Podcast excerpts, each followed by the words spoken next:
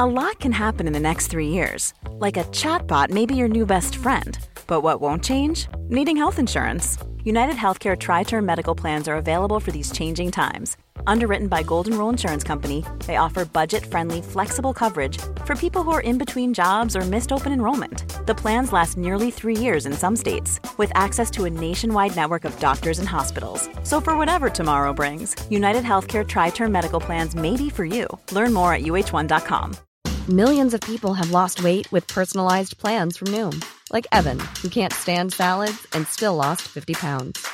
Salads, generally, for most people, are the easy button, right? For me, that wasn't an option. I never really was a salad guy. That's just not who I am. But Noom worked for me. Get your personalized plan today at Noom.com. Real Noom user compensated to provide their story. In four weeks, the typical Noom user can expect to lose one to two pounds per week. Individual results may vary. Quality sleep is essential for boosting energy, recovery, and well being. So, take your sleep to the next level with Sleep Number. With a Sleep Number smart bed, you can individualize your comfort level and enjoy a better sleep night after night. JD Power ranks Sleep Number number 1 in customer satisfaction with mattresses purchased in-store. And now the Queen Sleep Number C4 smart bed is only $1,599, a saving of $300 only for a limited time. For JD Power 2023 award information, visit jdpower.com/awards. Only at Sleep Number stores or sleepnumber.com. Nu gick jag ifrån så du hörde nog inte vad jag sa, men jag har hittat ett nytt intro i alla fall. Och en A-bro. Du fick med det där va? Och du lever ju ett drömliv enligt mig. Ja. Det blev inte så mycket öl i helgen så det, det vart ju ganska mycket jobb och... Jag var den enda rutinerade som hade med ett halvt flak öl men så var det ju typ sex törstiga grabbar i stugan så det var ju liksom... Slut.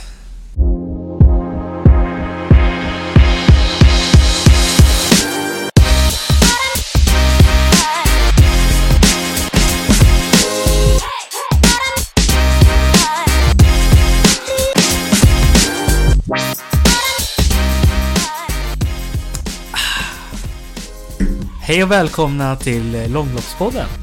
Podden för dig som älskar långlopp och eh, stakning. Tusen, tusen tack. Alltså, så himla roligt att vara igång igen. Det känns... Eh, alltså det är, ja, det bara spritter i kroppen för det känns som att vi har, vi har jobbat lite hårdare och fått... Vi har, vi har, ja, det känns som att vi tar nästa steg nu Alex. Ja, jag tror det, tror det är bra nu när vi har haft en vecka sen, eller ja, knappa veckan sen senaste avsnittet. För då har vi hunnit samla på oss lite. Det, det var ju lite tajt där under Tour de Ski avsnitten. Eh, en, ett per dag. Så nu, nu vet vi inte hur vi ska få plats med allt det här i ett avsnitt. Nej, man har fått längta lite grann. I dagens avsnitt så tänkte vi ju att vi skulle fokusera lite grann på, på det som har varit i den här helgen och framförallt då på Craft Ski Marathon i, i Orsa Grönklitt. Eh, men vi tänkte också gå igenom långloppen Visma Ski Classics och eh, kika lite grann på resultaten i One Partner Group Ski Marathon. Och det, det är så mycket som har hänt så att... Ja. Och vi har så mycket material och, och roliga hållpunkter så att... Jag kan inte bärga med. Ja, det blir ett roligt avsnitt det här. Ja, vi hoppas att ni ska eh, njuta lika mycket som vi gör. Men eh, då ska vi ta och hoppa in i eh, One Partner Group Ski Marathon kanske. Det tycker jag vi gör rätt i. Jo, men jag har ju resultaten här. Eh, jag tänkte väl börja, jag har herrarna framme så jag börjar väl med dem då. Där hade vi ju Joel Andersson på en första plats. Team Ekohus. Två Olof Jonsson, också en eh, känd skidåkare. Eh, Sprinta mycket. Och Gabriel Söderqvist. Men du, det såg ut som att de hade samma tid. Ja, det skiljer tre tiondelar här. Det jag ser. Sportuppgörelse. Tror att det vart sprint, eh, vart var sprintkamp mellan eh, Olle Jonsson och, och Joel eller? Ja, det verkar så. Eh, Jag tyckte jag såg några bilder därifrån och det ser ut som att eh, Joel sträcker upp näven precis före Olle Jonsson. ja, ja, men det står så att han är... Jo men det, jo, men det tror jag att det var så. Men du, Olle Jonsson han, eh, han körde alltså långlopp där på, på söndagen. Men om inte jag minns helt fel så körde ju han även kopparskidan i Falun-Borlänge. Eller i, i Falun-Borlänge. I, I Falun var det väl va? det blir ett sånt här avsnitt. Ora Olof Jonsson, han var 15 i kvalet. Eh, ska vi se vad han... Olof Jonsson 27 Jag har för mig att han vurpade i sin kvartsfinal vet du. Men eh, ja, det var ju ganska kladdigt före i spåret. Det var ju i princip okörbart. Jag tyckte Linn Svahn sa att det var eh, parodi eller om hon sa att det var löjligt. Eh, så att ja. Men du, han kör mycket lopp Olle Jonsson och han kör ju både långa lopp, alltså distanslopp och sprintar. Det är lite kul. Ja men de brukar ju gå lite hand i hand. Sprinters brukar ju vara bra på långlopp så det är kul. Han var ju tvåa där också nu då på OPG Ski Marathon. Så eh, kul! Så har vi en till på en Trillevallen. Gabriel Söderqvist då, trea. Ossian Rosenberg körde i den sprinten också. Han körde väl i, i Croft va? På söndagen. Ja det gjorde han. Eh, Ossian. Och Gustav Affledal också va? Mm. Ossian kom 15 på, eh, på sprinten där och Gustav 23 Tränings eller tävlingssugna killar kan man säga. Ja, men det, det gillar vi ju. Det ska, ska inte vilas i form här inte. Icke san icke. Så kan vi ju nämna damklassen också då i, eh, i Östersund. Och där kom ju Hedda Bångman etta, Alva Sv Svan tvåa och Emma Jönsson trea. Mycket Östersund där. Andra till femte plats. Alva Svan, är det någon släkting till Linn Svandel tror du eller? Kör ju för Östersund. Ja, stavar ju likadant i efternamn. Här kanske vi kan be om information på Instagram. Bra! Men du, ehm, vi har ju haft... Eh, jag tänker att vi, vi sparar det bästa till sist. Och då tänker jag på Croft Ski Marathon. Eh, ska vi hoppa över på Pustertaler Ski Marathon? Det tycker jag verkligen att vi gör. Och Visma Ski Classics. Vi har ju haft en hyfsat intensiv helg och eh, vi har haft två lopp i, i södra Europa, eh, i Italien. Eh, då inledde vi helgens tävlande med Pustertaler Ski Marathon, det här 62 km loppet som vi snackade upp. Ja, det var en, ett väldigt intressant lopp och med, framförallt så var det en väldigt intressant avslutning och en väldigt intressant utbrytning. Ta och se om loppen Max. Nej men eh, efter, efter climben så, så sprack det av lite grann. Och eh, i slutet på loppet så kunde vi se att så kunde vi se att eh, Emil Persson då Amund Rige var ensam kvar med tre stycken ragdåkare. Eh, det var inte vilka som helst, det kan jag lova dig. För det var Kas Kasper Stadås, Oskar Kardin och Andreas Nybo Nygård. Det måste väl vara den, den, eh, den bästa trion som de hade kunnat skaka fram på det här decenniet i alla fall. När man ser det där så tänker man ju att... Eh, ja, hur ska det här gå? Emil han kommer ju få göra mycket jobb om han ska lyckas vinna det här. Eh, men jag tycker att Ragdeåkarna är ju... Alltså, jag ska säga, Amund Rige han gör ju... Han gör ju det han ska, men han gör ju inget mer i den där klungan. Och Oskar Kardin får ju dra och göra otroligt med ryck. Och Kardin han försöker rycka så att Emil måste, måste liksom eh, täta luckan. Men det går så himla lätt för Emil eh, bakom Kardin. Så att eh, de där rycken tröttar egentligen bara ut Emil. Ja, du menar att det bara tröttade ut Oskar då kanske? Eller? Du sa att det var Emil, men... Ja, Jag tror att det bara tröttar ut Oskar. Och det som händer det är att eh, Stadås, han ligger långt bak i gruppen och ja, gör egentligen inte sitt jobb med att avlasta Kardin. Jag tror att de kanske hade lagt upp en plan att Stadås och Andreas Nygård ska vara de som spurtar om det här. Och, och det som händer det är alltså samma sak som i, när, i utbrytningar i cykelvärlden. Att man, folk tittar på varann och vem ska dra? Ska vi turas om eller hur ska vi lägga upp det? Jag tror inte att de liksom kommer överens riktigt om vem som ska göra jobbet. Det innebär att de lyckas inte trötta ut Emil och Amund Rige. Och jag tycker att det är, det är ganska konstigt. Men jag kan ju förstå lite... För tidigare år då har vi ju sett att Emil har fått ligga där fram och borra själv liksom när Ragda har varit med. Men Emil Persson är ju så grym just nu. Så de måste ju, alltså det, det går ju inte att vänta på att han ska dra upp tempot för han kommer ju spurta ner dem ändå. Men eh, vad, vad ger vi Ragde för eh, betyg på upplägget? Oskar Kardin, alltså han måste ju ha en eh, ja, 9 av 10 i sin comeback för han gör ett otroligt jobb där framme och han ser ruskigt pigg ut alltså. Kul att han är tillbaka. Han har ju haft otroligt med, med otur med, med hjärnskakningar och, och vad var det nu sist? Hjärtmuskel, hjärtsexinflammation. Ja, det var något sånt helt otroligt. Jag har aldrig hört talas om det. Eh, men han gör ju ett, ett otroligt lopp. Alltså jag, jag tänker, hade inte Kardin varit där framme och gjort jobbet så hade Stadås och Nygård inte varit på pallen ens. Ja, så pass? Ja, men jag sticker ut hakan och säger att Kardin gjorde mycket av deras jobb. Okej, ja. Och jag måste ju flika in att jag har ju inte haft tid i helgen att kolla på det här. Så jag har ju kollat sammandraget och litar helt och, helt och hållet på din, eh, ditt sammandrag här. Eh, också då. Men eh, jag såg upploppet, det gjorde jag. Vi stod och skrek på stadion i Orsa där. Eh, det är ju lite 157 supportrar, om vi säger så, eh, i, i den där i Originals. Eh, så, ja. Jag anar det, jag anar det. Men Emil Persson då? Vad, vad säger vi? Man blir ju... Man häpnar ju nästan när man ser han. Alltså... Det där upploppet också. Man tror ju att nej, men nu, går, eller nu går Nygård ut och går om. Men... Eh, han lyckas ju hålla undan för Nygård. Och Nygård går ju inte ens... Han byter ju inte ens spår. Så det. Mm, otroligt imponerande att han kan lyckas trycka ner Ragdes attacker och teamkörning som ja, kanske inte är de bästa då. Men att han också lyckas ta sig längst fram på upploppet och, och spurta hem det här. Riktigt, riktigt snyggt gjort. Uh, vi, fick ju, vi fick ju lite kritik av en lyssnare här för ett tag sedan. Han sa att vi... Men, eh, men Emil, han har ju inte vunnit långa lopp. För vi sa ju att vi stack ut näsan och sa att Emil, han kan vinna allt. Men här måste vi väl ändå klassas som ett långt lopp, va? Det jag tycker jag. Det är ju sex mil så... Jag vet inte, det låter ju inte som att det är en eh, lager supporter som har varit på det om det. Men eh, ja, jag tror att han kommer vara farlig i vinter men det, det, det jag tycker är lite eh, lite dumt eller vad man ska säga nu inför speciellt Vasan då för där kommer Emil segla upp som en väldigt stor favorit och vi vill ju såklart ha en svensk vinnare. Det var ju ett tag sedan. Det är just det att han är ganska ensam bland sina teamkompisar där uppe. Eh, Nästa lageråkare är ju Alva Mühlback på en 15 plats. Och så har Nils Dahlsten, eh, alltså ja, eh, brorsan då till Emil, på en 16.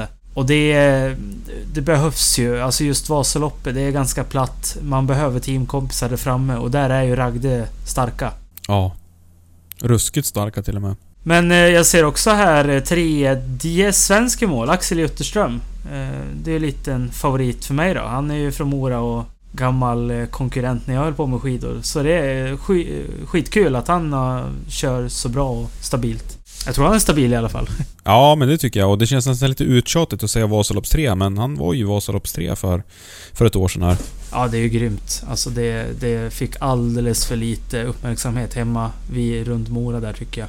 Jag är helt enig. Ska ju inte upp en staty ändå kanske, men jag vet det har ju varit ganska tunt med lokala åkare som har kört bra. Jag vet det står... eh, Nu ska du föra här. Hemma ovanför Tvåråbergsvägen på Vasaloppet, väster om Tvåråbergsvägen. Eh, Det vet säkert vissa. Då står en slogbo där det står som är uppkallad efter norra Dalarnas bästa skidåkare. Sen när vet jag inte, men det är alltså Särna Hedlund den är eh, ditsatt för då. Och det känns som att det kanske behövs en ny slogbod med någon lite färskare namn. Ja, men har han en slogbod kan väl eh, Jutterström få en torso på torget i Mora?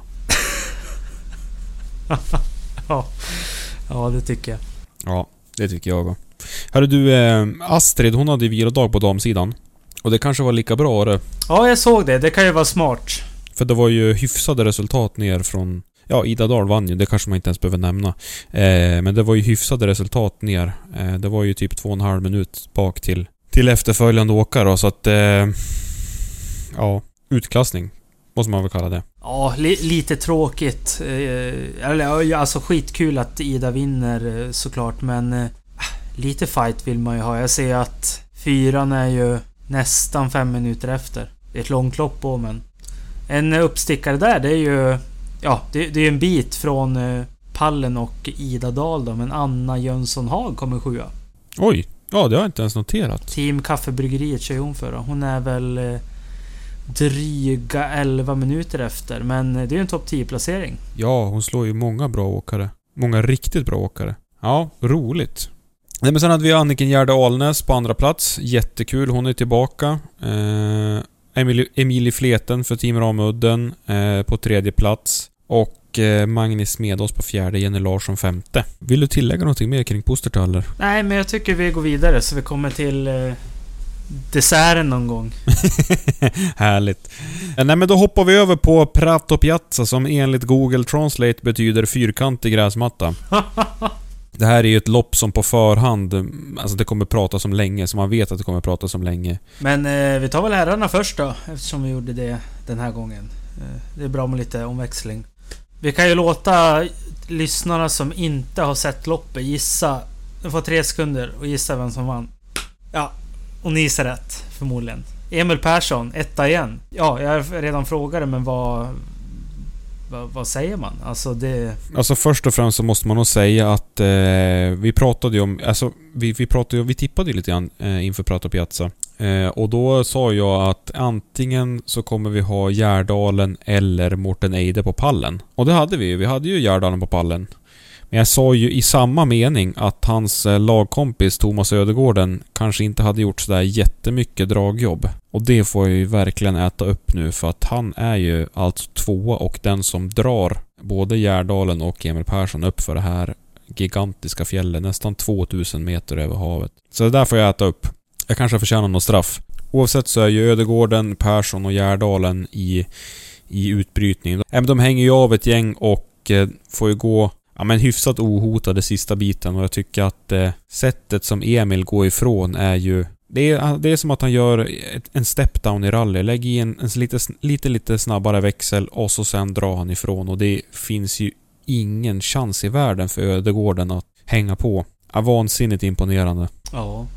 Det börjar bli lite favoritskap till alla möjliga tävlingar nu va? Tyvärr. Ofta så brukar det inte ha, Det brukar inte hålla när man väl hoppas på det då, för vi vill ju ha en svensk segrare på Vasaloppet i år alltså. Ja, det, det vill vi verkligen ha. Eh, det är ju kul också att eh, Syrstad kör så bra och kommer fyra. En till lageråkare högt upp. Och Eklund som är fjolårets segrare, han... Eh, han fick släppa där i, i, i stigningen och... Ja, men han orkar inte riktigt hänga med. Och sladdar en hel del. Lite tråkigt, men så kan det vara. Eh, Axel Jutterström 9 igen. Återigen ett stabilt lopp från han. Eh, men sen noterar jag un under loppets gång så eh, har vi... Eh, du vet, eh, Excitec. Team Excitec. Excitec Ski Team. Eh, är ju faktiskt med i utbrytning där. Och då har de en norsk Einar Kalland Olsen som är med och kör. Så det är riktigt kul att vi får, får upp dem i, i den där högre delen utav resultatlistan också. Gå i mål som trettonde man. Ja, men det är alltid kul att få fram lite fler team. Det börjar bli lite... Eh, vad ska man säga? Det börjar bli ett gäng team som är de som håller sig där uppe. Och kan vi få några fler så är ju det jättekul. Jag går in här lite snabbt och kollar. Vi har ju lite svensk... Eller det är ett, kanske ett svenskt team det där i och för sig.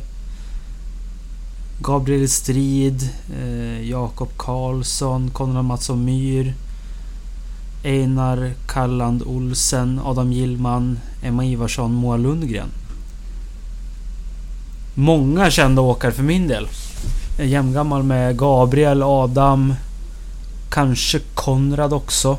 Tävlat mot allihopa för i alla fall. Duktiga skidåkare. Mm. Jag tror att de har lite bas i i Bruksvallarna om jag inte minns fel. Det där, det där kan jag bli rättad på också. Ja, men det, kan, det här är nog ett eh, framtidsteam i alla fall. Det här tror jag kan bli riktigt fast. Ja, verkligen.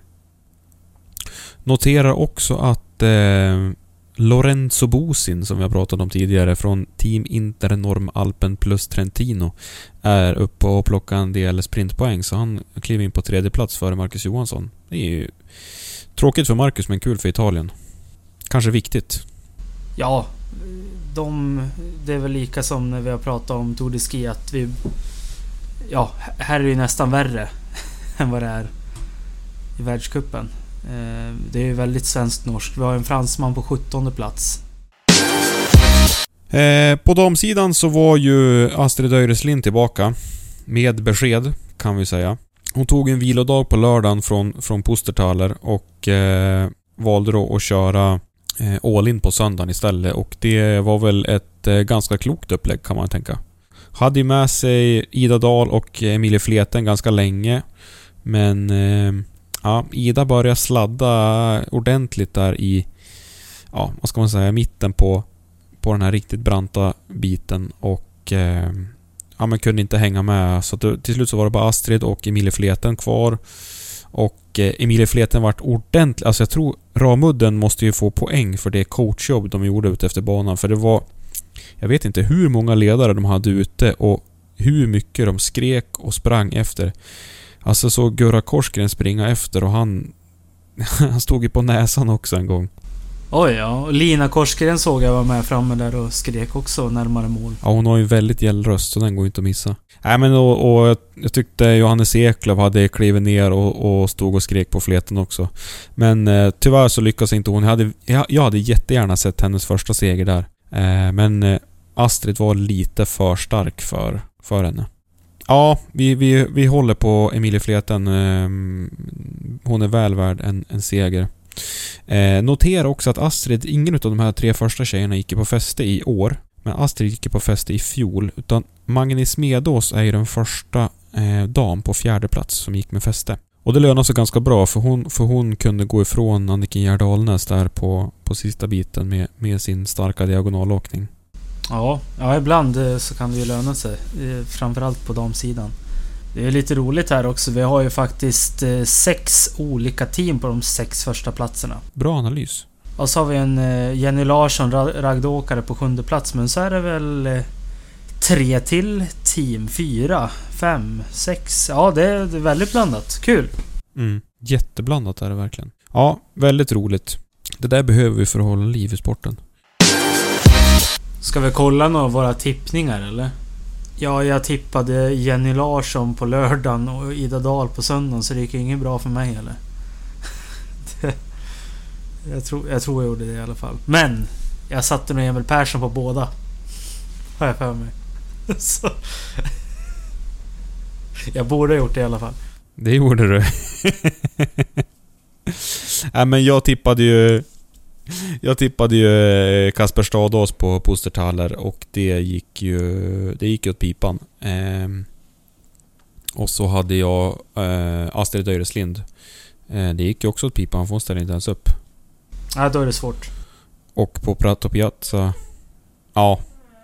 På fyrkantig gräsmatta då så hade jag ju Ida Dahl och... Eh, ja men Gärdalen eller Mårten Eide. Ja, lite rätt gick det ju med, eller med Gärdalen då men ja. Ja men för att summera Ski Classics-helgen så... Ehm, så har vi i alla fall Emil Persson i fortsatt ledning i den gula Champion-bibben. 900 poäng. Eh, och det är ett bra hopp ner till 501 poäng före Kasper Stadås och tredje plats har vi Mårten Eide med 491 så det är ganska tajt om andra och tredje platsen. Fortsätter Emil så här då är det kanske en sån här, vad heter den? Grand Slam? Eller vad kallar de den? En Grand Classics, ja. Grand Classics ja. ja, den kanske ligger risigt till då men... Det är inte många av dem som har kört sen så... Är det någon ens? Nej, ingen har tagit den än. Ja, det vågar man ju nästan inte hoppas på alltså. Det blir lite kassaklirr i alla fall. Om man hade gjort det. Men... Det blir det definitivt. Och på damsidan har vi nästan lika övertygande ledning för Ida Dahl med 850 poäng. Men där har vi faktiskt Magnus Smedås på andra plats. Eh, 610 poäng. Emilie Fleten 600, Jenny Larsson 594, Astrid Öreslind 570. Det är tätt där nere också.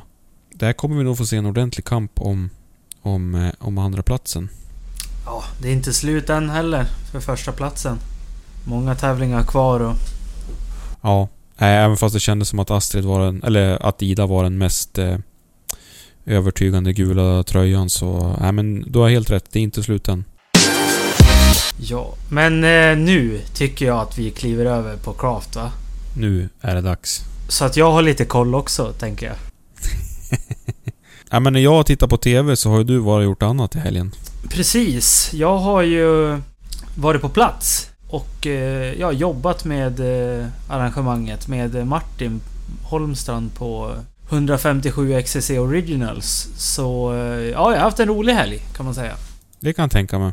Och händelserik. Oj ja, ja. Kommer dit på fredag kväll och från fredag kväll till ja, ti- tidig kväll söndag så har det varit fullt Ja, kör. jag förstår det. Du, jag fick ju en...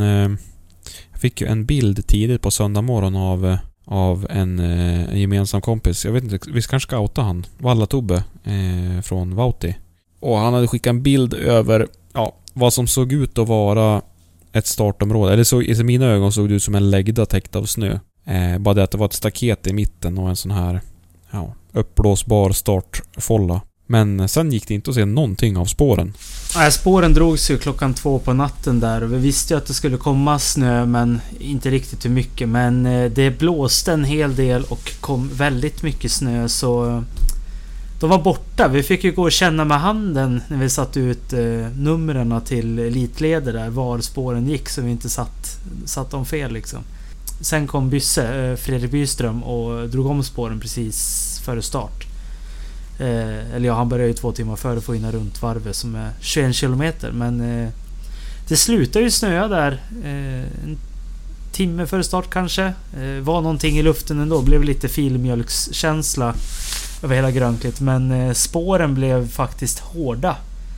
Eh, om, eh, men eh, sladdrig eh, efter första varvet. Det blev bra yta men liksom dåliga kanter eller? Eh, ja, men de nöttes Alltså de var ju lite mjuka ändå. Men det blev nästan lite tösnö som satt sig och det blev väldigt glatt yta. Så jag tror de här motionärerna kanske hade jobbet som inte är lika van eh, att köra då i olika fören. Eh, eliten som jag, jag körde ju kameraskoten. Vi livesänder ju här. Eh, och jag såg inga problem för dem. Eh, det kanske var något skär som drog iväg eller sådär att de halkade till men Inga fall som jag såg i alla fall. Nej. Nej, jag såg ingen heller. Jag satt och, och följde tv-sändningen live och jag måste ju säga att det var ju en, en ruskigt bra tv-sändning alltså. För att vara första gången så var det ju långt över mina förväntningar. Vi har fått, eh, eller vi, eh, Martin och eh, filmteamet har fått väldigt bra respons på det. Kanske för att skoterföraren som körde kameran var så jävla bra, jag vet inte. Men... Ja, jag tycker du ska ta åt dig av den kritiken faktiskt. Ja, ja men det var, det var bra upplägg och jag och Cliff, eh, som han hette, som körde kam eller var kameraman bak då, hade, hade ett bra samarbete. Och vi hade ju lite täckningsproblem, men jag tror de täckte upp det ganska bra med intervjuer och sådär. Eh, det är ju som det är liksom, vi kan ju inte lösa den biten riktigt. Då lär man ha signalplan och för en provomgång så hoppa, hoppar vi över det. Men eh, skitnöjd, jag ska kolla igenom sändningen, bara sett små delar än. Och Ja men det, jag tycker det är kul att man kan kolla på de här nationella loppen och det är ju ändå lite intressanta skidåkare och skidåkning att kolla på. Ja men verkligen. Idrottsligt sett så var det ett otroligt eh, intressant lopp för det var väldigt mycket som hände. Jag, alltså jag tänker att... Eh, jag har ju dömt mycket hockey tidigare och, och bland det roligaste man kan döma det är typ så här J20 och J18 för att det händer så mycket och blir lite misstag och tabbar och sådär. Och det här kändes som att det var nästan exakt samma sak med eh, dåligt före, stor klunga, många uppdelade utbrytningar, många som kom ikapp, många som släppte. Alltså det var väldigt eh, ja, men både lite ryckigt och lite eh, avvaktande. Nej men jag tyckte det var ett väldigt, väldigt händelserikt lopp och man ville verkligen inte missa en sekund utav sändningen. Ja men vad kul. Eh, jag eh, försökte, jag åkte ju och kollade bakåt hela tiden för att hålla lite koll på dem och Det kändes ju som att det sprack av ganska snabbt. Eh, de åkte ju i en av radioskuggorna så tryckte de ju på vart ett gäng i, i en utbrytning. Vi hade ju en ganska stor andra klunga sen men vi hade ju två ställen där vi inte åkte med åkarna och det var ju där det hände som mest tyvärr. De åkte ner och vände på en väg och när de kom tillbaka på... Det var ju på andra varvet då. Då, då var de ju bara två kvar. Mm. Då ryckte de. Ja, Andreas Svensson och Gabriel Thorn var ensamma då. Det var inte långa avstånd men... Eh, det höll ju ända in i mål sen. Ja. ja det såg väl, väldigt länge ut som att, att eh, Pontus Nordström skulle kunna eh, haka sig kvar men... men eh, till slut fick han också släppa och... Alltså jag varit lite förvånad över att de ryckte för att Andreas Svensson han gjorde ju otroligt mycket dragjobb i klungan. Så jag tänkte att hur ska han liksom ha orken och, och dra iväg? Och även när de ryckte så fick ju han göra mycket av jobbet. Så att, ja men imponerande. Otroligt styrkebesked. Ja men som vi sa så eh, Gabriel Thorn och Andreas Svensson de drog ifrån men Pontus som jag tippade skulle vinna eh, in, eh, ja, i förra podden. Då visste jag inte att Andreas skulle vara med heller men eh, för han måste ha efteranmälts efter va? Nej, vi pratade om han. Jag, nej, men jag, jag tippar ju han som vinnare. Eh, inte för att liksom... Då, försök, då försökte jag bara för, förfina min eh, tippning nu då. Nej men eh, det var ju ändå intressanta namn där uppe och Andreas eh, gjorde ju mycket jobb som du sa. Han låg ju framme och borra länge i klungan. Ja, det, det tyckte jag. Även, eh, även Adrian Lundberg som kom på fjärde plats han, eh, han var långt där framme eh, och gjorde mycket jobb och stötte och dona och hade sig. Så att, ja. Han gjorde det också bra. Jag tyckte det var många av de här lag 157-åkarna som gjorde det bra. Som var väldigt aktiva faktiskt. Men du, jag noterar en sak. Det var ju, det var ju en varvbana. Och sen skulle ju åkarna, efter att de hade vänt, så kom de ju också ikapp ett par, eller ett gäng motionärer ska jag säga. Och eh, jag upplevde att Gabriel Thorn, han fastnade ju faktiskt bakom en motionär precis i slutet när han ska göra sin, sitt sista ryck. Han du se det på skoten eller? Eh, du, jag hade så fullt sjå att inte köra över någon och hålla mig framför dem. Så jag, jag, jag, jag hängde inte riktigt med vad de gjorde mer än vad de var. Och vad alla andra var. Men... Eh, Nej men för det var dit jag tänkte komma. Alltså, jag ser på TV-bilderna att, så att eh, Gabriel Thorn fastnar, jag tror han fastnar i en stav och så får han, får han köra över en skida och alltså... Först och främst, jättebra jobbat alla motionärer som, som åkte det här jobb, loppet för det är lika mycket ert lopp men ändå så flyttar ni på er för eliten. Hatten av till det. Men Alltså jag tänker på hur, hur tight det var för, för Gabriel Thorn och Andreas då som låg precis sida vid sida ett bra tag. Och hur det måste ha varit för dig på skoten. Det måste ju ha varit otroligt tight och det var ju ruskigt kurvigt sista biten innan upploppet. ja, jo men eh, det, det var lite... Eh, lite adrenalinpåslag där. För eh, jag fick åka zigzag i kurvorna liksom. Men det, det gick bra. Alltså första varvet var ju lite en test. Jag, hade, jag har ju åkt varvet tidigare men inte med tävlingsåkare bakom. Så jag hade ju skaplig koll inför sista varven men det, det var ju som sagt motionärer eh, framför då också så... Eh, det gick bra men jag var ju beredd att svänga undan om det hade behövts ut i lösnen. Eh, det är det som gäller liksom. Men eh, det, det där var ingenting mot eh, när jag skulle svänga upp och ta dameliten sista biten. Det, då var det folk i spåret. Men det kan vi ta lite senare. Men eh, jag har ju snackat med eh, Pontus och eh, Andreas. Så jag tycker att vi kan klippa in eh, Pontus eh, intervju här. Ja, då står jag här med Pontus Nordström. Eh, trea för dagen. Hur kändes loppet? Eh, Ja, men det kändes eh, jättebra idag. Det var kul att åka och det var ett roligt lopp.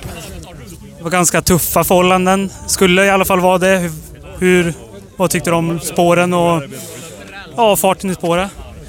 Eh, Första varvet var det lite lugnt när det var lite nysnö i spåret.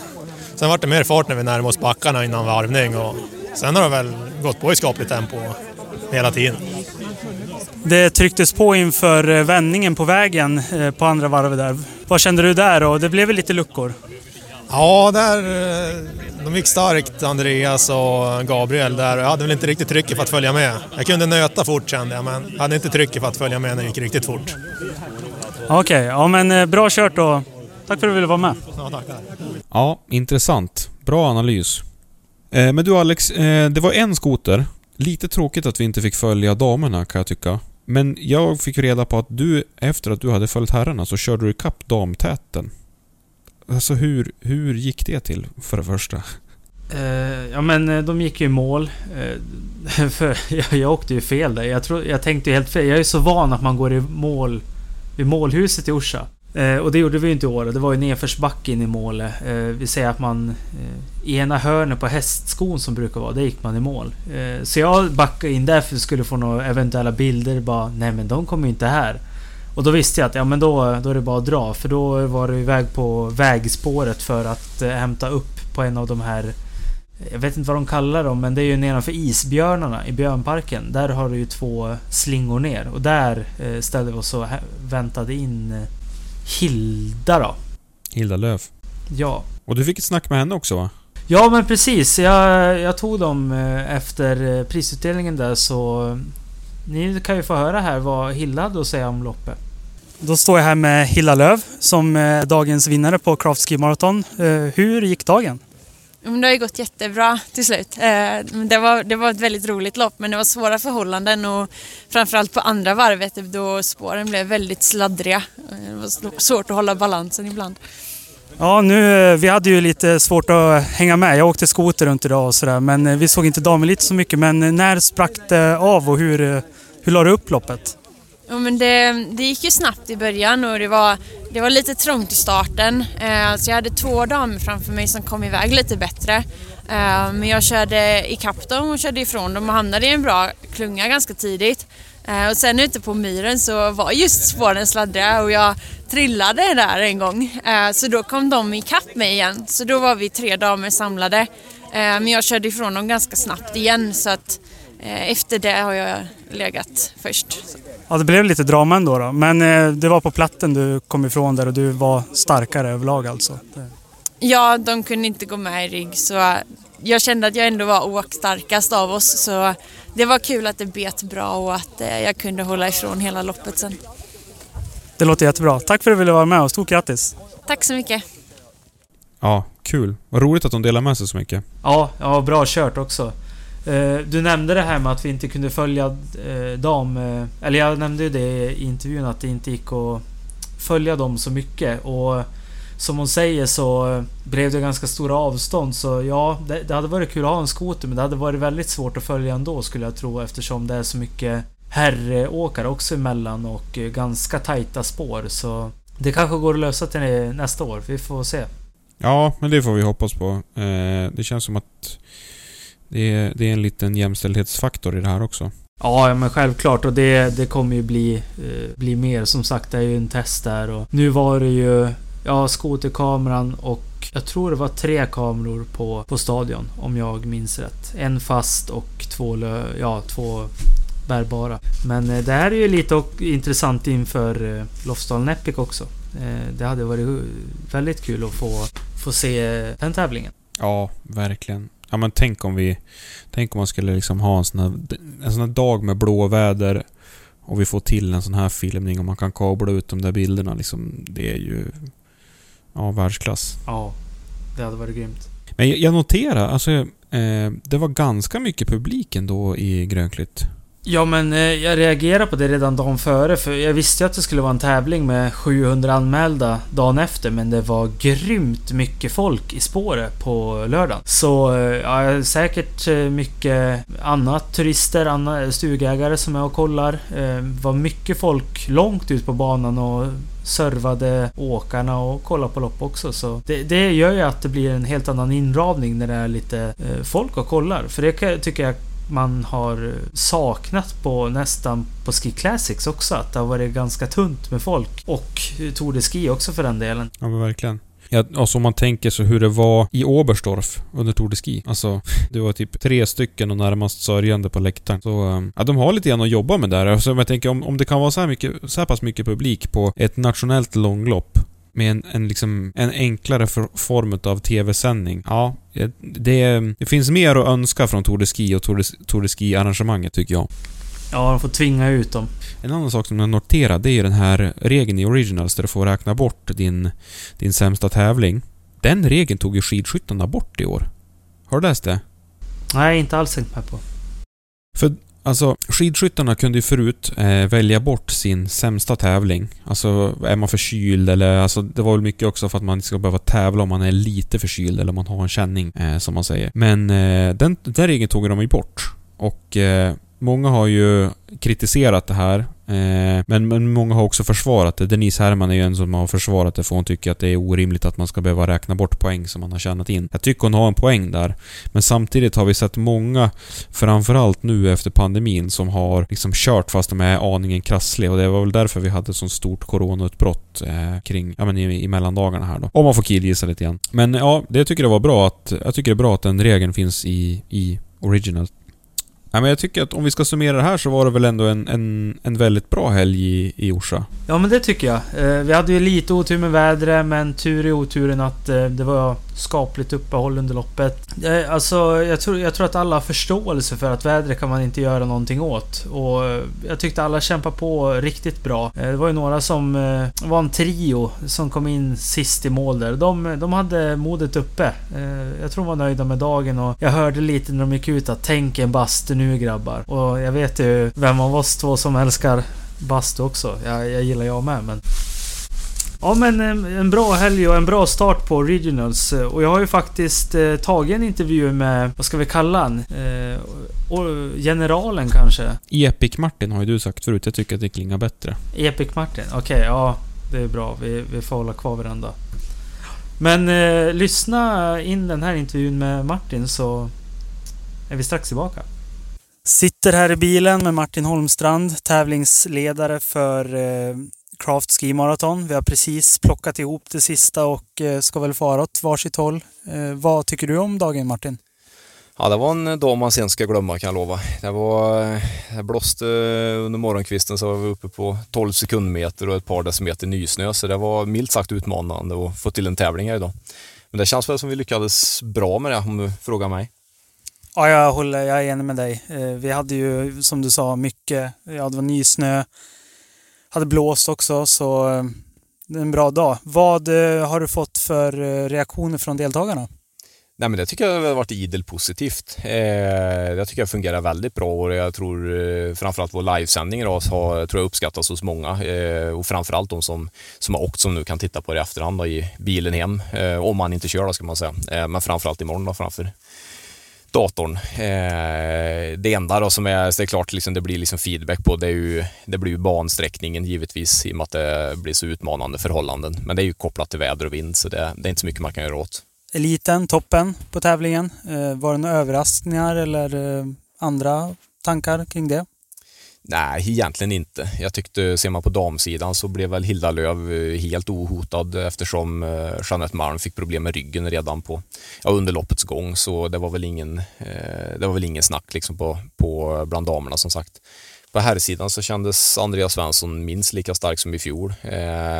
Så det var spännande att se. Eh, fler, blev utmanade av fler, fler lite yngre åkare eh, och ett helt gäng på lag 157s ungdomssida som jag tyckte bjöd upp till match riktigt bra. Till helgen är det Moraloppet, eh, en eh, deltävling också i Originals, 157 XCC Originals. Exakt. Vad har du för tankar om det? Nej, men det känns, eh, det känns lovande. Eh, I år så kör vi ju starten ifrån Evertsberg eh, till skillnad mot Oxberg som vi har gjort sista åren. Så det känns, det känns bra. Liksom. Jag tror det kommer uppskattat hos alla deltagare att kunna få åka på ja, 100% på Vasaloppsarenan helt enkelt. Har du något smaskigt att leverera till nästa helg? Ja, jag vet inte, jag lyssnade bland eh, en del av deltagarna i målfållan här och jag, vet inte, jag tyckte de sa att eh, både Jens Burman och Kalle Halvarsson skulle åka loppet. Det, jag ställer mig lite frågande till det men eh, Burman letar ju efter formen så ja, jag menar vad är bättre än att åka Moraloppet? Kanske passar perfekt mot en fem mil på VM? Det känns så. Det var inte dumt om Kalle åkte den heller så. Så han håller hela fem milen även på VM i år. Ja, och Kalle har ju varit riktigt eh, vass nu senaste tiden på Tour de Ski och så, så det skulle vara riktigt intressant att se mot i alla fall nationella eliten på långlopp. Ja, definitivt. Det blir, skulle vara superspännande. Eh, jag tror, det känns som Kalle har fått ett riktigt lyft i år så eh, jag tycker det är många år sedan också bra, om du frågar mig. Enig.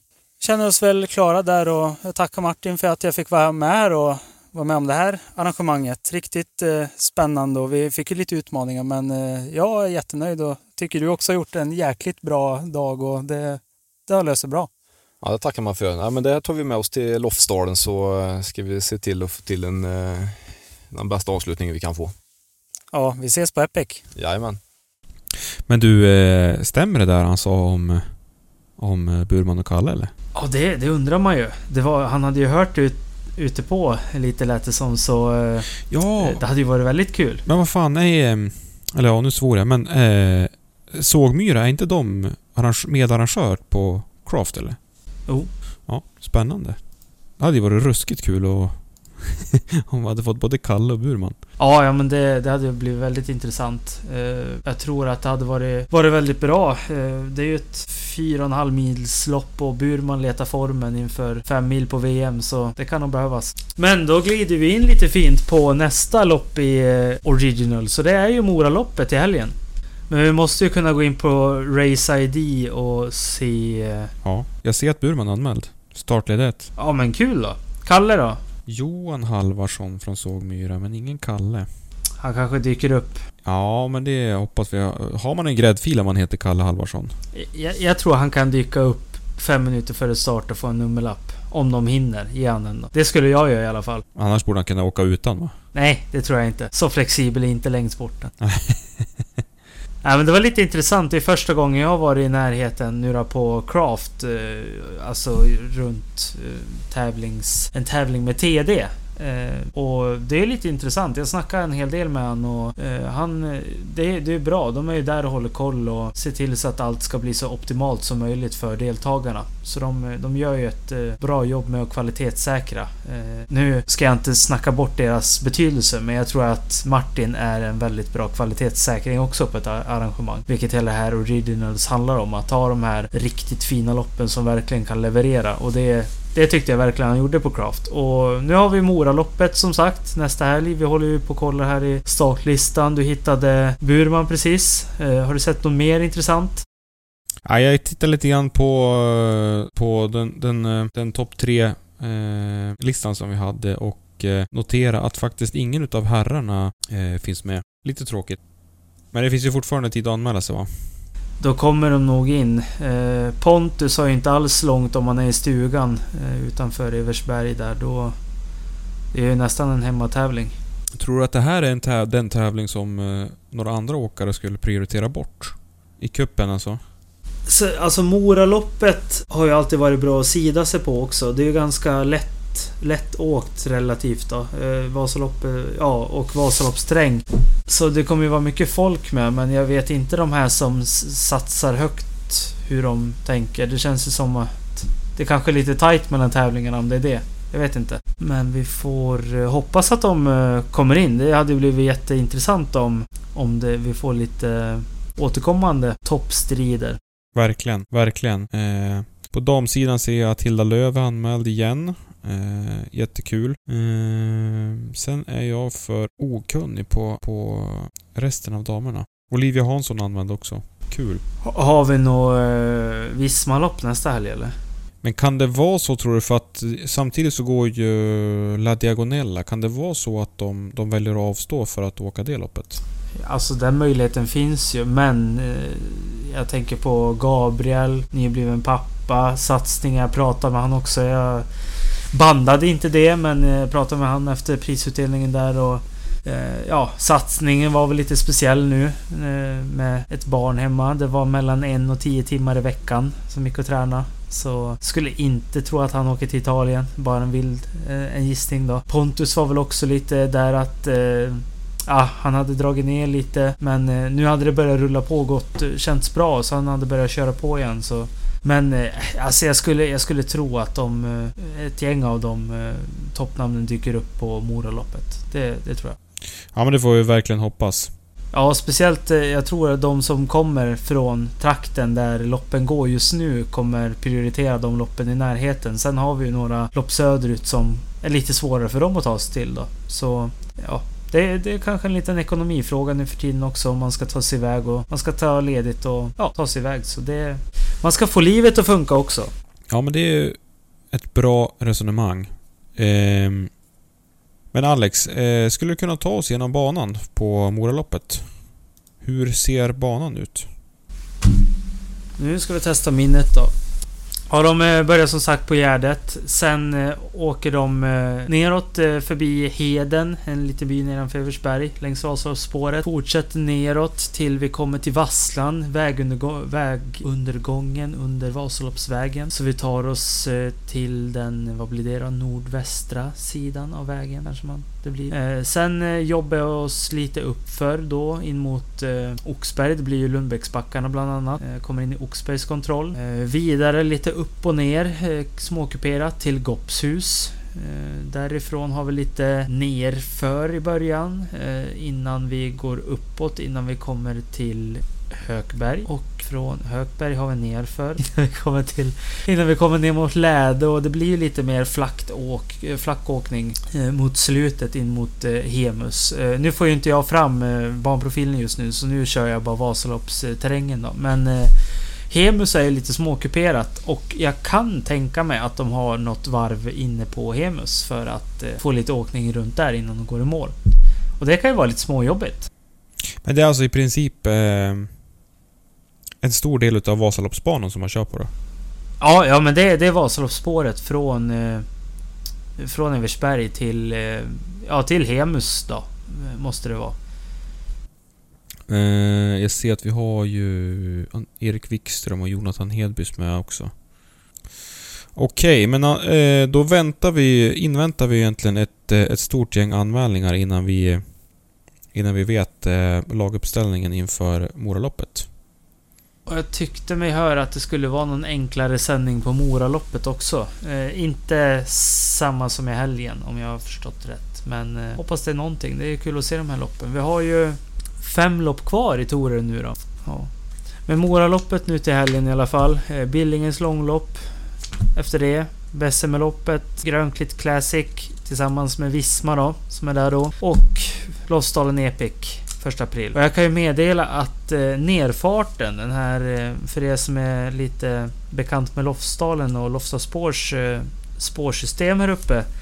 Så har jag eh, idag dragit eh, nerfarten eh, på Epic där i st- eh, från starten ner mot ordinarie spårsystem för andra gången. Så den kommer vara åkbar imorgon skulle jag tro, för då ska jag dra den igen. Så då kan man ta sig Och, och då kan man dit och tjuvåka alltså?